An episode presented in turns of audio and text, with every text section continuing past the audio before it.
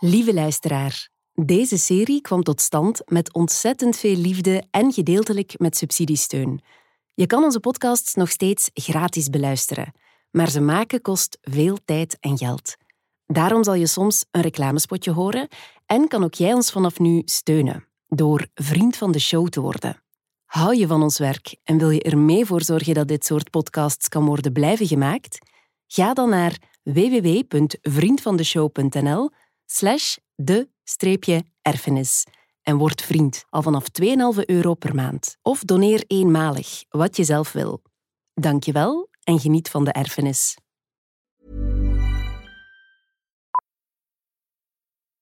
Millions of people have lost weight with personalized plans from Noom.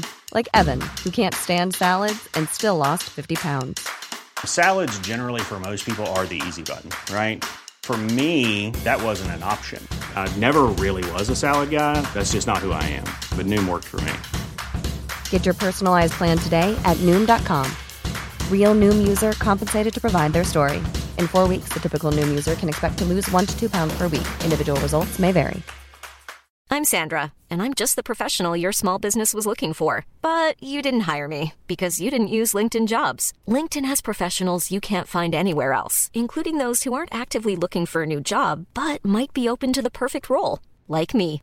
In a given month, over 70% of LinkedIn users don't visit other leading job sites. So if you're not looking on LinkedIn, you'll miss out on great candidates like Sandra. Start hiring professionals like a professional. Post your free job on linkedin.com/people today.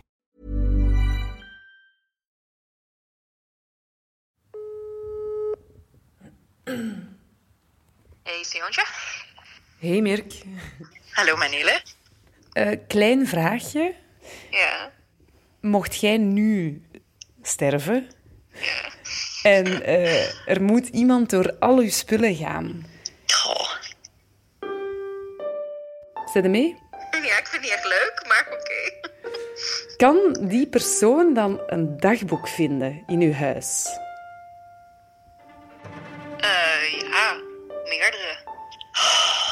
Oeh, daar word ik echt zenuwachtig van. Ehm, meerdere, meerdere, ja.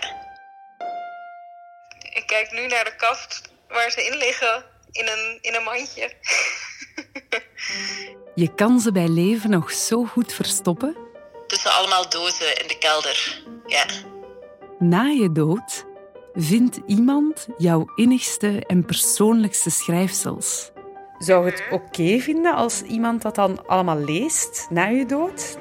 Nee, nee, nee, nee, nee, nee, nee. Nee, absoluut niet. Niet omdat daar staatsgeheimen in staan, maar toch. Daar denk ik dus, dus best wel veel over na. Ik weet gewoon niet wat ik ermee moet doen. Het idee dat iemand die al mijn gedachten van toch wel 23 jaar van mijn leven, al mijn kleine en mijn grote verdrietjes, dat iemand dat allemaal naleest. Ja, nee, dat is niet voor die ogen geschreven. Ik weet van sommige dingen, dan, dan laat ik echt mijn gedachten op de vrije loop. En dat zijn lelijke dingen die ik opschrijf. Dan snap je over dingen die ik even voel waar ik doorheen moet. En als je dat leest, dan denk je dat iemand zou denken... Huh? Dacht zij zo over mij? Terwijl nee, dat was een, moment. Een, daar zit een context aan. En ik kan die context niet meer geven als ik, als ik dood ben. Maar wat zou je zelf doen als je een dagboek tegenkomt van een geliefde? Ja, ik zou dat wel lezen, natuurlijk. Verslinden. Lezen van, lezen van, eh, van kaft tot kaft, sowieso. Terwijl ja, nu ik dat zeg, is dat misschien eigenlijk niet zo netjes.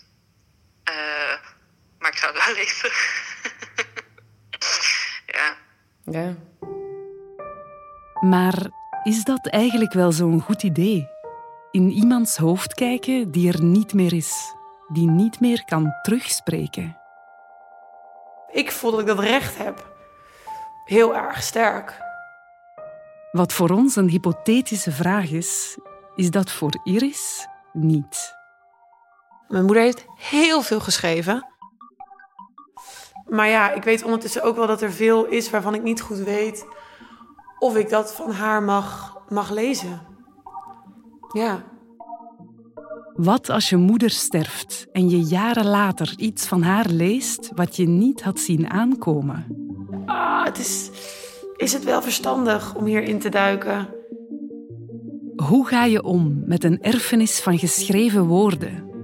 In deze tweede aflevering duiken we met Iris in de dagboeken en brieven van haar moeder en stoten op een geheim. Een geheim dat Iris' beeld van haar moeder doet kapseizen. Dit is De Erfenis. Van audiocollectief Schik ben ik, Siona.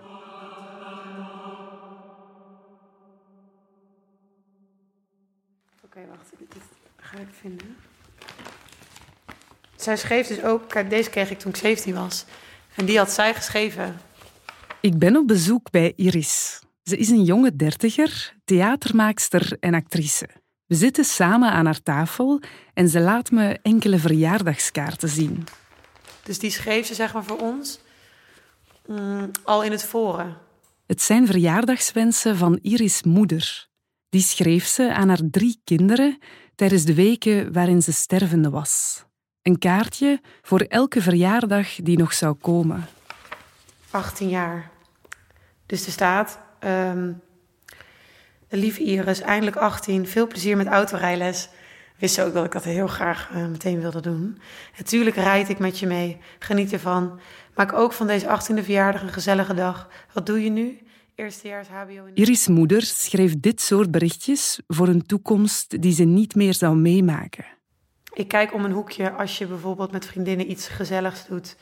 Heel hartelijk gefeliciteerd en een dikke hemelse knuffel. Liefst mama. Ja, leuk hoor, maar dat is ook moeilijk, want op een gegeven moment stoppen die brieven. Iris was een puber van 16 jaar toen haar moeder overleed aan longvlieskanker. En 15 jaar na haar dood zitten we hier, rond deze verjaardagskaartjes, maar ook rond andere schrijfsels die haar moeder achterliet. Dagboeken, mails, snelle krabbels, brieven. En er is één brief in het bijzonder waar Iris het met mij over wil hebben. Eentje die niet aan haar gericht was. Ja, een liefdesbrief. Een liefdesbrief die haar moeder had geschreven aan haar vader in de dagen voor ze stierf. Maar waarom had jij die brief in uw bezit? Hoe kwam die daar? Nou, dat is toch echt wel gegaan dat we een, een gedenktafel hadden met allemaal spulletjes en, en dingetjes van mama. En dat werd langzaamaan een rommeltje, want niemand beheerde dat. Niemand droeg daar zorg voor. Op een dag plukt de 16-jarige Iris toch nog één brief van tussen de stoffige herinneringen. Ze leest hem en beslist. Die stop ik in mijn bewaardoos. En doorheen de jaren zal ze soms haar bewaardoos induiken, die brief zoeken en de woorden van haar moeder en haar vader lezen en herlezen.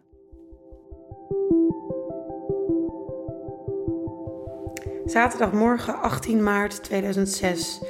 We hebben samen gedoucht. Jij hebt mij liefdevol de haren gewassen en ingezeept en afgedroogd. Heerlijk tegen elkaar aangestaan. Zoenen durft dat nog maar kort vanwege mijn beperkte ademhaling. Deze zinnen geven een beeld van twee verliefde mensen. En het was precies dat wat Iris zo raakte. Want zo had ze haar ouders zelden gezien. Ik was altijd me al bewust dat, dat er spanning was. En, en er was bij ons echt geen geweld thuis en zo. Maar ja, water en vuur, zo heb ik het altijd gezien. Water en vuur, dat zag ze wanneer haar ouders met elkaar overlegden of net niet met elkaar overlegden. Ze betrapte hen zelden op zoenen en knuffels en wel vaker op gekibbel. Maar in deze brief leest ze hoe haar ouders in die laatste weken weer meer naar elkaar toegroeien. Vanmorgen voor het eerst samen gehuild in elkaars armen. Nu hang jij de was op, vrijwel dagelijks. Gisteren buiten op mijn verzoek, het was ijs en ijskoud. Je strooit nu brood voor de vogels op verschillende plekken in de tuin. Wat hebben we het goed, zeiden we vrijdagavond, lieverd van me. Eergisteren sliep ik hier alleen en vond dat maar niets. Het is zo geruststellend dat je naast me lag. Als jouw hart nog eens openstelt voor een ander, dan boft zij enorm. Zo prachtig wat ze hier zegt. Ja, ik heb die brief altijd gelezen met wat er ook was tussen mijn ouders, ze zijn in ieder geval uit elkaar gegaan door de dood die hun gescheiden heeft. Met echt wel uitgesproken, maar jij bent het voor mij. En dat heb ik altijd heel romantisch gevonden. Zoals een film, weet je wel. Van als de dood om de hoek komt kijken, dan zijn we eigenlijk bereid ons echt bloot te geven. En dan was er liefde. Ja, dat was voor mij die brief. Maar wat voor haar zo logisch en romantisch leek, is dat niet voor iedereen. Want onlangs besloot ze de brief eindelijk aan zijn rechtmatige eigenaar te bezorgen. Een beetje betrapt voelde ik me van. Dat, die heb ik eigenlijk altijd voor mezelf gehouden. En weet hij wel dat die bestaat eigenlijk. Dus ik besefte me eigenlijk ineens van... dat is eigenlijk heel gek dat ik die heb... terwijl die eigenlijk aan papa geschreven is, weet je wel? En tot haar grote verbazing leest haar vader de brief helemaal niet als een liefdesbrief. Iris begrijpt niet hoe hij deze zinnen anders kan interpreteren dan hoe ze er staan. Jij hebt mij liefdevol de haren gewassen en ingezeept en afgedroogd. Wat hebben we het goed, zeiden we vrijdagavond, lieverd van me. Maar hij wijst haar op één zin die volgens hem alles verklaart. Zo liefdevol als jij nu bent, ik zou daar, als de situatie omgekeerd zou zijn, veel meer moeite mee hebben. Zo vanzelfsprekend als jij nu zorgt. Ik zou daar, als de situatie omgekeerd zou zijn, veel, meer, moeite, mee hebben. hebben. Zo vanzelfsprekend als jij nu zorgt. Volgens Iris wil haar moeder hiermee zeggen dat zij lamgeslagen zou zijn van verdriet, mocht haar man op sterven liggen. Zo, um, zo heb ik dit altijd gelezen. Maar volgens haar vader zegt zijn vrouw hier iets heel anders. Ik zou omgedraaid niet zo voor jou kunnen zorgen, omdat mijn hart bij een andere man is. En ik me dus niet zo over jou zou kunnen ontfermen zoals jij dat nu over mij doet. Een andere man. Blijkbaar was er een andere man in het leven van haar moeder. En mijn vader zegt van, er is eigenlijk wel, wel heel veel wat ik jou uh, moet vertellen. Daar kunnen we wel eens over praten, maar dat doe ik dan liever niet over de telefoon. Um, daar moeten we het dan maar een keer uitgebreider over hebben. Dat heeft dan wel echt meer tekst en uitleg nodig. Ja. Iris begrijpt er niets van.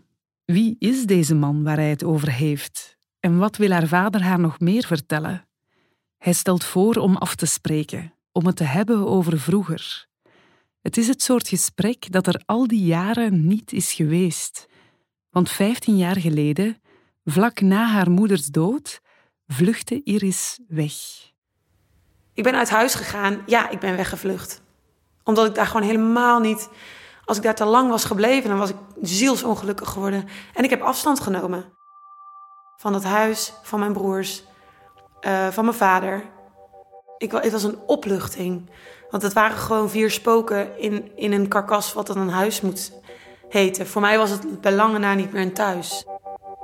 Er was geen warmte, er was geen zorg voor elkaar, er was geen behagelijkheid creëren van fijne avondjes op de bank met nee. En ik wist wel dat ze er waren hoor. Maar wij, wij, wij hadden geen frequentie waar wij elkaar op vonden. We waren eilandjes en wij dobberden gewoon in de zee. Iris, haar twee broers en haar vader. Vier eilandjes die jarenlang dobberen op een woeste zee. Ze rouwen op hun eigen eilandje, op hun eigen manier. Maar nu is er die brief en die andere man en Iris voelt dat ze het gesprek moet aangaan. Dus ze spreekt af om met haar vader te gaan fietsen. Wel echt zo'n gekozen vader-dochter momentje. Best wel druilerig weer, maar wij gingen fietsen. En toen, en toen gingen we ons, uh, hebben we ons neergezet in zo'n wegrestaurant. En toen, toen kwam het hele verhaal, ja.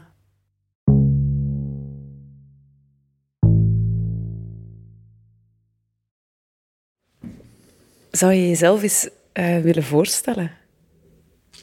Mijn naam is George Heusje. Ik ben uh, weduwnaar. Mijn vrouw is 15 jaar geleden overleden. Hoe heette je vrouw? Nolda. Sorry. Doe maar. Kijk, voor mij is de naam is al met zoveel emotie verbonden dat ik hem eigenlijk alleen maar uitspreek als het quasi niet anders kan, hoe stom het ook klinkt. Nolda. Deze naam staat voor Iris' vader, George, gelijk aan liefde. En over de liefde heeft hij een heel duidelijke visie. Houden van is iets dat komt uit jezelf en daar kun je niet in kiezen, in mijn beleving. Je ziet iemand en je denkt, ik weet niet wat aan de hand is, maar ik ben helemaal verkocht. En die ander heeft nog niks gezegd, nog niks gedaan, heeft nog niks de indruk kunnen maken op jou. Je weet nog niet wat hij verdient, wat hij doet, wat hij niet doet, maar je bent verkocht. En dat, dat is zo overweldigend prachtig dat je dat kan overkomen. Ik zit tegenover Georges. We spraken af in het kantoor van zijn zoon in Amsterdam. Het licht dat door de grote ramen binnenvalt, weerkaatst in zijn bril. En nooit kon ik vermoeden dat er achter dit degelijke montuur zo'n zachte, romantische ziel huist. Georges is leraar op pensioen. En het verhaal dat hij in het wegrestaurant aan zijn dochter vertelde, deelt hij nu ook met mij. Hij neemt me mee terug de tijd in, naar het begin, in 1973, toen hij de liefde van zijn leven tegenkwam op een tennisveld. Even kijken, ik was toen 19, was toen elke avond zo'n beetje op de tennisclub. En uh, zij was daar dus met haar vader. Ik was daar met een, een, een, een uh, kennis. En we hebben dus op een gegeven moment tegen elkaar gespeeld. En, en ja, voor mij was het zoiets van: wauw, wie is dat? Wat is dat? Wat, uh... Georges werd betoverd door deze verschijning. Ik, ik dacht bij mezelf van, als dit nou is wat al die andere mensen meegemaakt hebben als ze verliefd zijn, dan snap ik waarom ze altijd zo gek gedaan hebben. Ik kon het gevoel niet meer uitzetten. Dat was een beetje een handicap. Het is helemaal gek van haar. Ja. George vertelt hoe ze elkaar als blakende dertigers het ja-woord gaven. Ze kopen een huis, krijgen drie kinderen, kibbelen over belastingaangifte, komen knorrig thuis van het werk, zijn het eens over de kinderen, niet eens over de kinderen, gaan stilzwijgend naar bed, zien de eerste rimpeltjes op elkaars voorhoofd, hurken neer bij een bloemetje in de tuin, woelen onrustig tussen hun lakens, strelen door elkaars lichtjes grijzende haren, staan te zoenen tegen het aanrecht, vloeken op de afwas, op het eeuwige tijdsgebrek, vloeken op elkaar. De jaren stapelen zich op. Soms overweldigt het leven hen, soms overweldigen ze elkaar, soms is er een overweldigend mooi moment. En ik hoor niets in het verhaal van Georges dat ik niet zou verwachten van een doodgewoon huwelijk tussen twee stervelingen.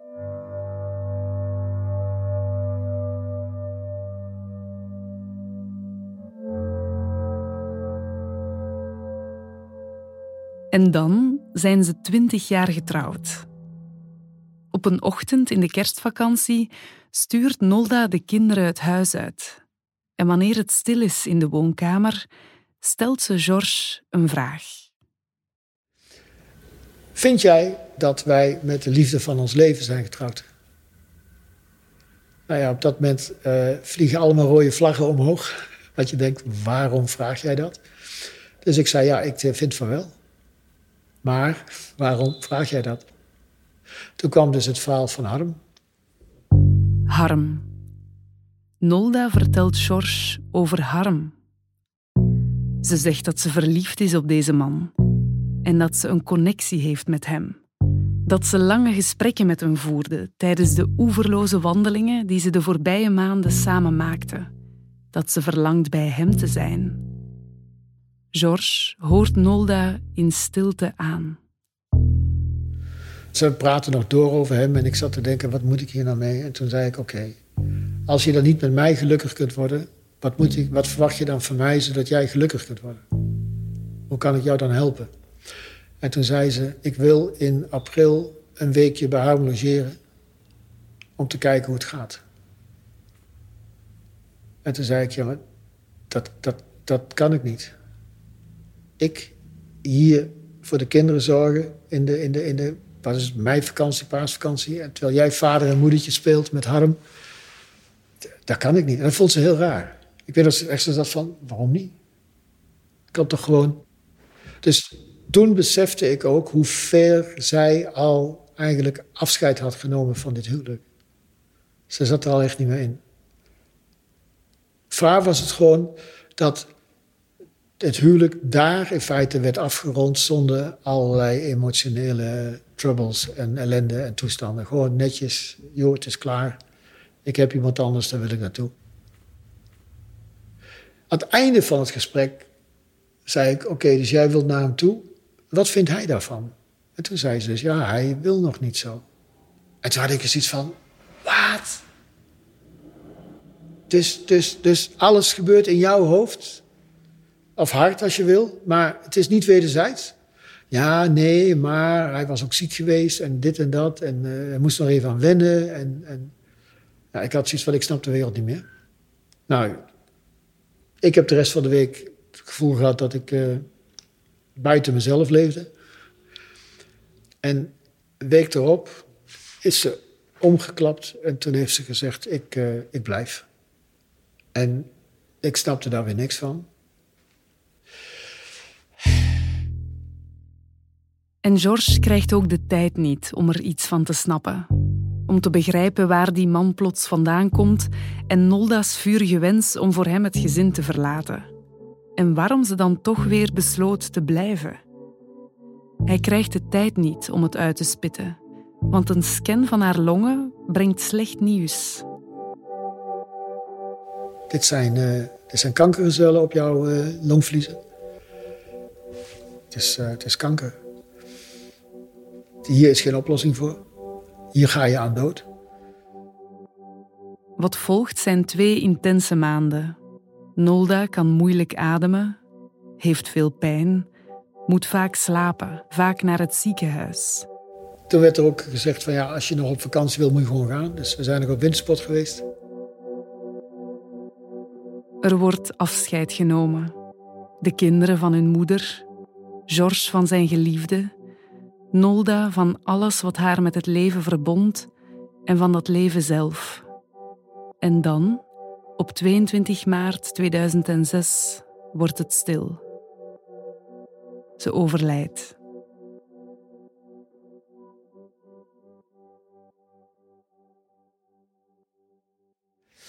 Nou, dan heb je dus in twee maanden tijd heb je een rollercoaster meegemaakt...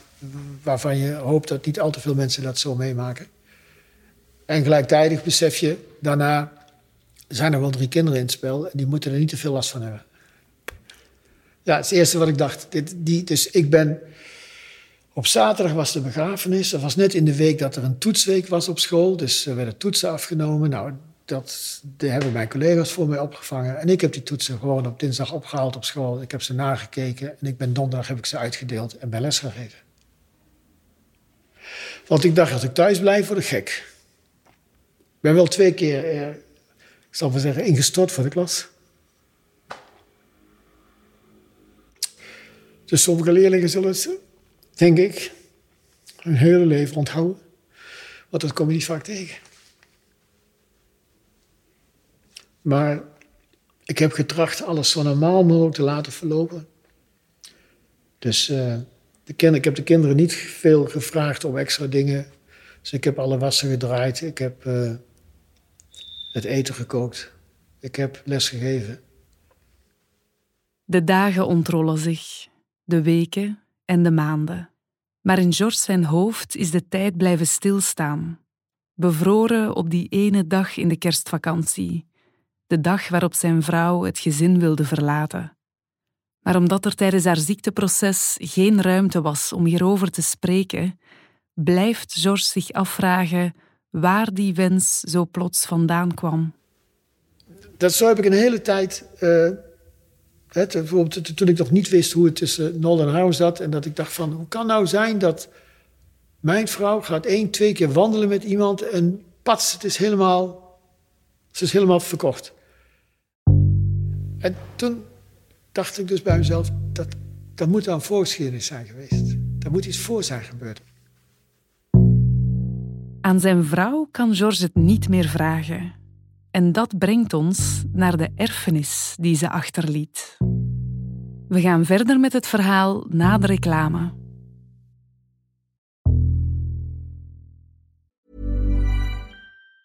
When you're ready to pop the question, the last thing you want to do is second guess the ring. At Bluenile.com, you can design a one of a kind ring with the ease and convenience of shopping online. Choose your diamond and setting. When you find the one, you'll get it delivered right to your door. Go to Bluenile.com and use promo code LISTEN to get $50 off your purchase of $500 or more. That's code LISTEN at Bluenile.com for $50 off your purchase. Bluenile.com code LISTEN. I'm Sandra, and I'm just the professional your small business was looking for. But you didn't hire me because you didn't use LinkedIn jobs. LinkedIn has professionals you can't find anywhere else, including those who aren't actively looking for a new job but might be open to the perfect role, like me. In a given month, over 70% of LinkedIn users don't visit other leading job sites. So if you're not looking on LinkedIn, you'll miss out on great candidates like Sandra. Start hiring professionals like a professional. Post your free job on linkedin.com/people today. Ja, ze schreef vanaf haar, vanaf haar puberteit ja, tot aan eh, haar hele ziek zijn. Tot aan de laatste dag eh, dat, ze, dat ze leefde. Alles staat eigenlijk, er staat heel veel op papier. En Dat, dat, dat is er allemaal nog. Ja. We keren even terug naar mijn bezoek aan Iris. Want zij vertelde me toen hoeveel haar moeder had geschreven tijdens haar leven. Brieven, heel veel brieven. Ehm, ze, ze heeft dagboeken, ehm, echt dagboeken geschreven.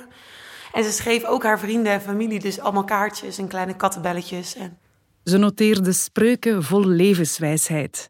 Maar ze deed ook simpel verslag van de dag. ze schrijft niet alleen maar over oh, de grootsheid van, nou, ik heb nieuw iets meegemaakt, maar ook gewoon hele random kleine momentjes. Nolda was een schrijfster. En misschien is het nog niet duidelijk dat het hier niet gaat over enkele mappen met brieven. Het gaat wel degelijk over stapels, dozen en koffers vol papier en tekst. Met de hand geschreven, gekribbeld of getypt. Ze schreef een heel leven bij elkaar. Ja, dat heb ik me eigenlijk lang niet zo beseft, maar het is een, een groot naslagwerk van haar, van haar binnenste gemaakt eigenlijk. Van haar wereld, van haar kijk op de dingen, van haar... Waar jullie wel echt mee achterblijven, toch? Ja. Ja, En waar jullie toch ook mee moeten omgaan. ja, dat vind ik ook nog echt wel heel lastig. Want voor wiens ogen zijn dit soort schrijfsels bedoeld? Zou Nolda hebben gewild dat haar gezin dit ooit allemaal zou lezen? En daar heeft ze geen handleiding bij gegeven. Dus dat is heel. Is het wel verstandig om hierin te duiken? En precies deze vraag heeft Iris altijd tegengehouden om te lezen. Ze las wel eens wat kaartjes en hier en daar een passage uit Nolda's eerste dagboekje, en die ene liefdesbrief natuurlijk. Maar van al de rest bleef ze af. En tijdens dat gesprek met haar vader in het wegrestaurant ontdekt ze dat hij dit wel heeft gedaan. Op zoek naar antwoorden over Nolda en Harm. Ik heb drie jaar nodig gehad om de relatie tussen Harm en haar... om die enigszins uit de doeken te doen. Na haar dood? Ja. En hoe weet je allemaal wat er toen gebeurd is? Ik kan Eh, heel goed analyseren. George dook in Nolda's naslagwerk. Hij legt haar dagboeken naast mails, naast brieven, doet telefoontjes en ondervraagt mensen naar feiten die jaren geleden gebeurden. Probeert ze te rijmen met zijn eigen herinneringen. Hij checkt, dubbelcheckt, leest, herleest. Elke keer wat ik dan doe is, ik schrijf gewoon in mijn hoofd hoe het gegaan is. En dan denk ik, ja, maar dat kan niet. Daar moet iets voor gezeten hebben. En dan ga ik nadenken. Ja, maar, dan, oh, maar dat, dat zou dat kunnen zijn. Oh, maar is dat waarschijnlijk... En zo groeit langzaam het verhaal. Zo komt hij tot een reconstructie van de relatie tussen Nolda en Harm. Van wie die Harm eigenlijk is. Ja, die man is er al 31 jaar, hè? En zo ontdekt George dat het verhaal start wanneer Nolda nog student was. Nolda heeft in 1975 de PA gedaan, de Pedagogische Academie, dus aantekening voor onderwijs. En toen liep ze stage bij Harm. Die was directeur van een school en daar liep ze stage bij. En op een of andere manier was er een chemie tussen die twee die bijzonder was. Niks, niks, niks erotisch of zo, maar gewoon, er zat iets, er was iets. Zij was toen 19, hij was 32, getrouwd, twee kinderen. Maar hij heeft ook hij heeft gevoeld dat er iets bijzonders was aan haar. Dat Harm Nolda bijzonder vond, leest George niet alleen in haar schriftjes, maar hij herinnert zich ook een moment toen hij en Nolda nog een jong koppeltje waren en Nolda nog bij haar ouders woonde. Toen zij slaagde, stond hij bij hun aan de deur met een hele grote bosbloemen. En uh, wij waren toevallig winkelen ergens, dus wij kwamen een uur later thuis. En haar moeder zei toen van, nou, was een docent van jou. Nou, je kon wel zien dat hij een oogje op je had. Zag ze meteen. Zag ze meteen. En ik zo van, nou, nou. En Nolle die ontweek het een beetje, maar goed, weet je, het was een, als, als je 19 bent en, je, en je, degene die interesse in heeft is 32, dan voelt dat als een wereld van verschil. Dus ik heb daar verder ook niks, niks bij gedacht of op doorgevraagd of wat dan ook. De bos bloemen komt op tafel te staan. George denkt hier verder niets bij. De bloemen verwelken, de jaren gaan voorbij. En George ontdekt nu wat voor hem dertig jaar lang verborgen werd gehouden. Harm dook af en toe op in het leven van Nolda. Ze belden af en toe, ze schreven wel eens een kaartje naar elkaar, maar ook hele brieven en mails. Soms spraken ze enkele uren af, ze dronken een koffietje of ze overnachten bij hem, al was dat wel in de logeerkamer, voegt George toe. Hij reconstrueert een innige vriendschapsband tussen de twee. Ik heb daar dus niks van meegekregen nog. Dat heb ik dus allemaal later uh, ge, ja, geanalyseerd. En dan leest hij in de dagboeken hoe het contact in 2005 tussen hen intenser werd. Harm en Nolda besloten het noordelijke deel van het Pieterpad te gaan wandelen.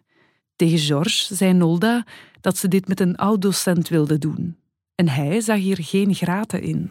Nou, moet je doen.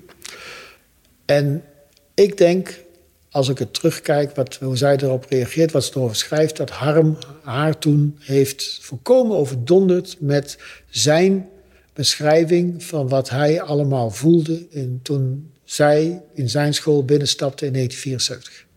Ik denk dat hij daar in de meest charmante, uh, liefdevolle bewoordingen heeft beschreven hoezeer hij van onder de indruk was van wie zij was. Alles was goed aan jou, heeft hij geloof letterlijk gezegd.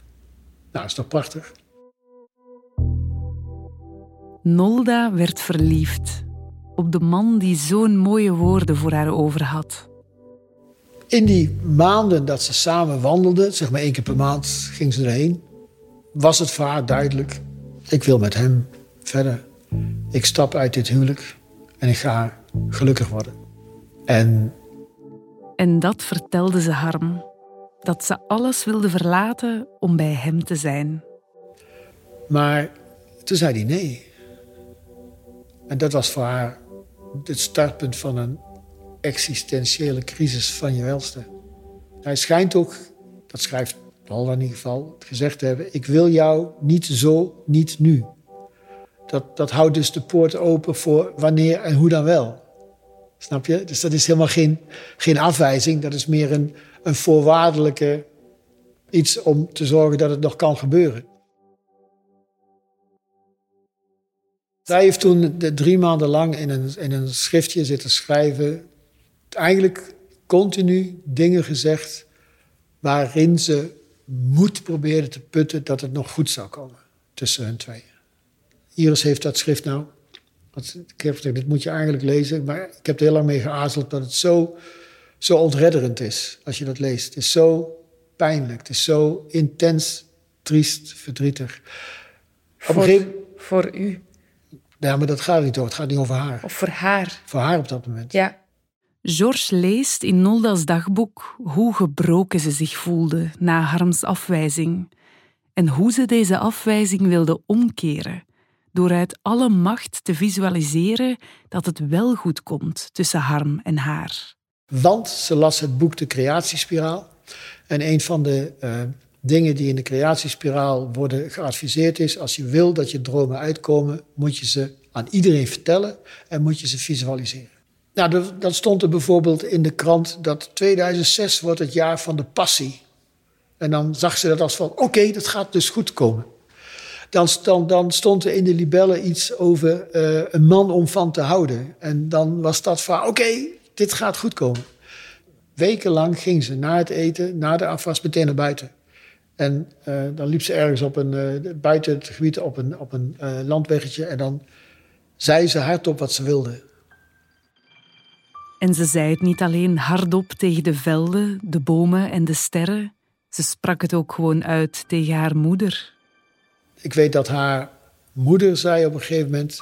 Ja, dan was ze hier bij ons en dan zei ze van... Ja hoor, ik zie haar binnenkort gewoon door die deur naar binnen komen. En Georges las ook dat Nolda het niet als een toeval zag dat de vrouw van Harm stierf in die periode. En voor haar voelde dat bijna dat deze vrouw voor haar had plaatsgemaakt. Dat Nolda nu de kans had op geluk. Oeh, ja. heftig, ja. Ja, dat kun je wel zeggen. Ik geloof zelfs dat jij een beetje aangedaan bent nu.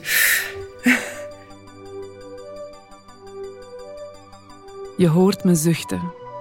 Ik zucht om de vrouw die zo vurig een nieuwe realiteit bij elkaar wenste. Ik zucht om de man die voor me zit, haar echtgenoot, die haar vurige wens bij elkaar puzzelde toen het te laat was. Ik zucht omdat hij nu pas te weten komt hoe zij tegen de velden, de bomen en de sterren riep wat ze wilde, maar dat niet deed tegen hem.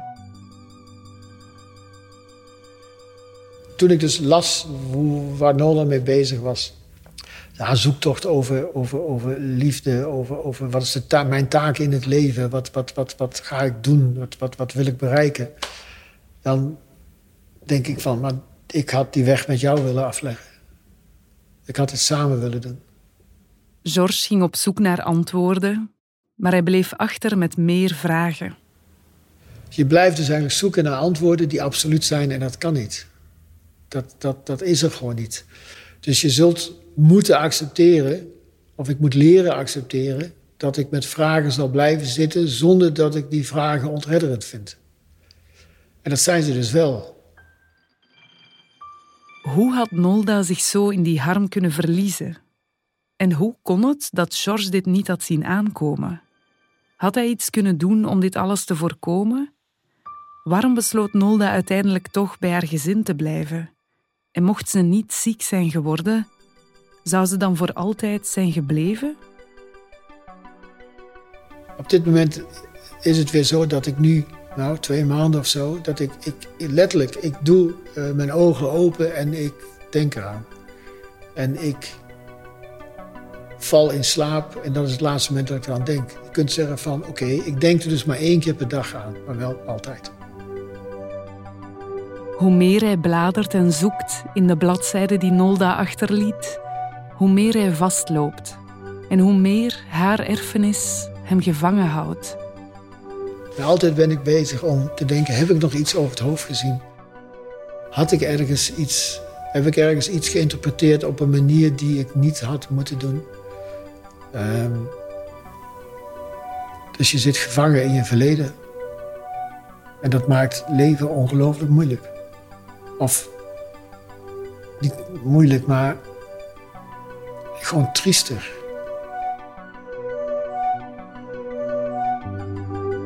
Toen George was uitgesproken, leek het heel even of ik in één ruk een roman had uitgelezen. Het was een verhaal dat niet goed afliep. Maar even later verschijnt Iris aan het venster van de ruimte waar ik met George zit. Ze vouwt haar handen boven haar ogen en drukt ze tegen het glas om binnen te kunnen kijken. Ze vraagt zich af of we nog steeds bezig zijn. Ik zie haar adem verdampen op het raam. We glimlachen naar elkaar. En ik besef dat dit geen roman is en deze mensen geen personages. Vader en dochter zijn van vlees en bloed. En ik zie hoe hun levens beheerst worden door zoveel onbeantwoorde vragen.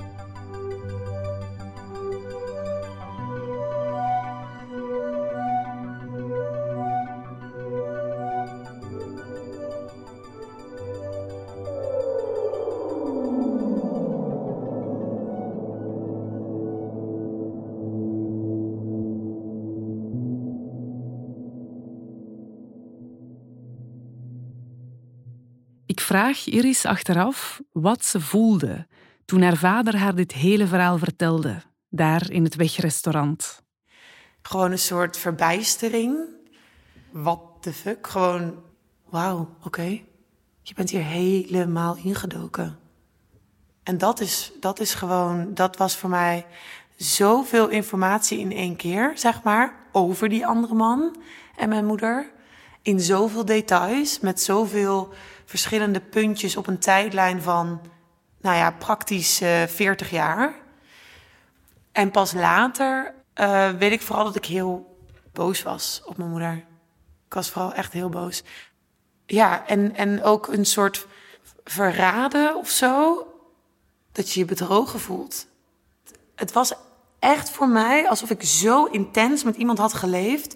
En die hield daar gewoon nog een leven op na. Een dubbel, zeg maar een dubbel leven. Zeg maar, ik ken mijn moeder, was mijn standpunt. Ik, ik weet wie mijn moeder is. En dit hele verhaal, daar weet ik niks van. Iris heeft nog duizend vragen. Maar aan wie moet ze ze stellen? Want haar moeder is er niet meer. Dus, oké, wat, wat is er dan? Haar vader dook in Nolda's schrijfsels. Maar Iris ziet hoe dit hem in de problemen bracht ja, om eerlijk te zijn had ik dan nog niet zo behoefte om in die schrijfsels te duiken. De context van die tekst is gewoon zo belangrijk. Ze vraagt zich af of je iemand wel echt op die manier kan leren kennen. En dat is nu net wat ze zo graag wil. Ja, eigenlijk besefte ik me door dat verhaal van mijn vader dat er eigenlijk zo'n wereld achter mijn moeder zat die ik niet begreep. In de volgende aflevering van de erfenis laat Iris de dagboeken voor wat ze zijn en gaat ze op zoek naar antwoorden over haar moeder, voor zichzelf en voor haar vader. En ik voel ook dat het eigenlijk bijna gek is dat ik gewoon 16 jaar lang niet dat telefoonklappertje heb gepakt bij de telefoon en die telefoonnummers heb gebeld. En nu voelt dat als zeg maar liever nu dan morgen, weet je wel. Nu is dat ineens iets wat ik, wow, waar ik zo klaar voor ben of zo. En Iris komt erachter dat de confrontatie met één iemand onontkoombaar wordt. Harm, ja. Ja, gewoon een beetje de rillingen bij die naam. Is dat stom?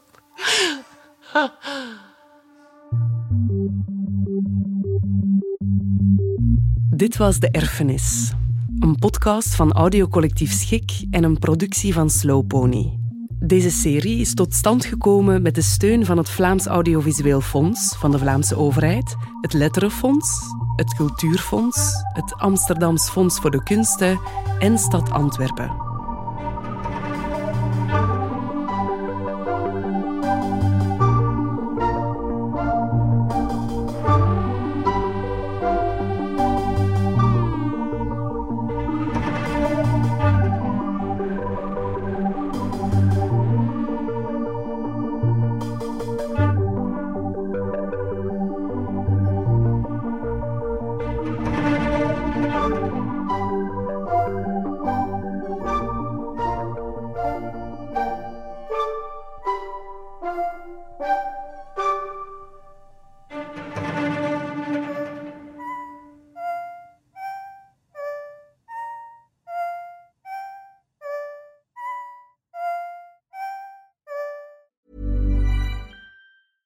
Hey, it's Paige DeSorbo from Giggly Squad. High quality fashion without the price tag. Say hello to Quince.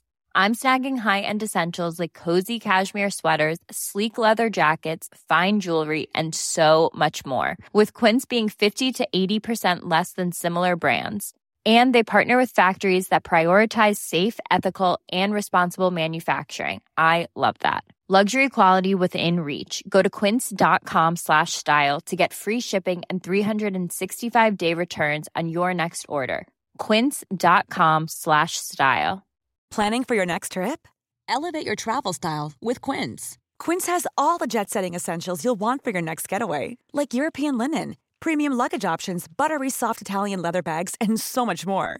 And is all priced at 50 to 80% less than similar brands. Plus, Quince only works with factories that use safe and ethical manufacturing practices. Pack your bags with high-quality essentials you'll be wearing for vacations to come with Quince. Go to quince.com/pack for free shipping and 365-day returns.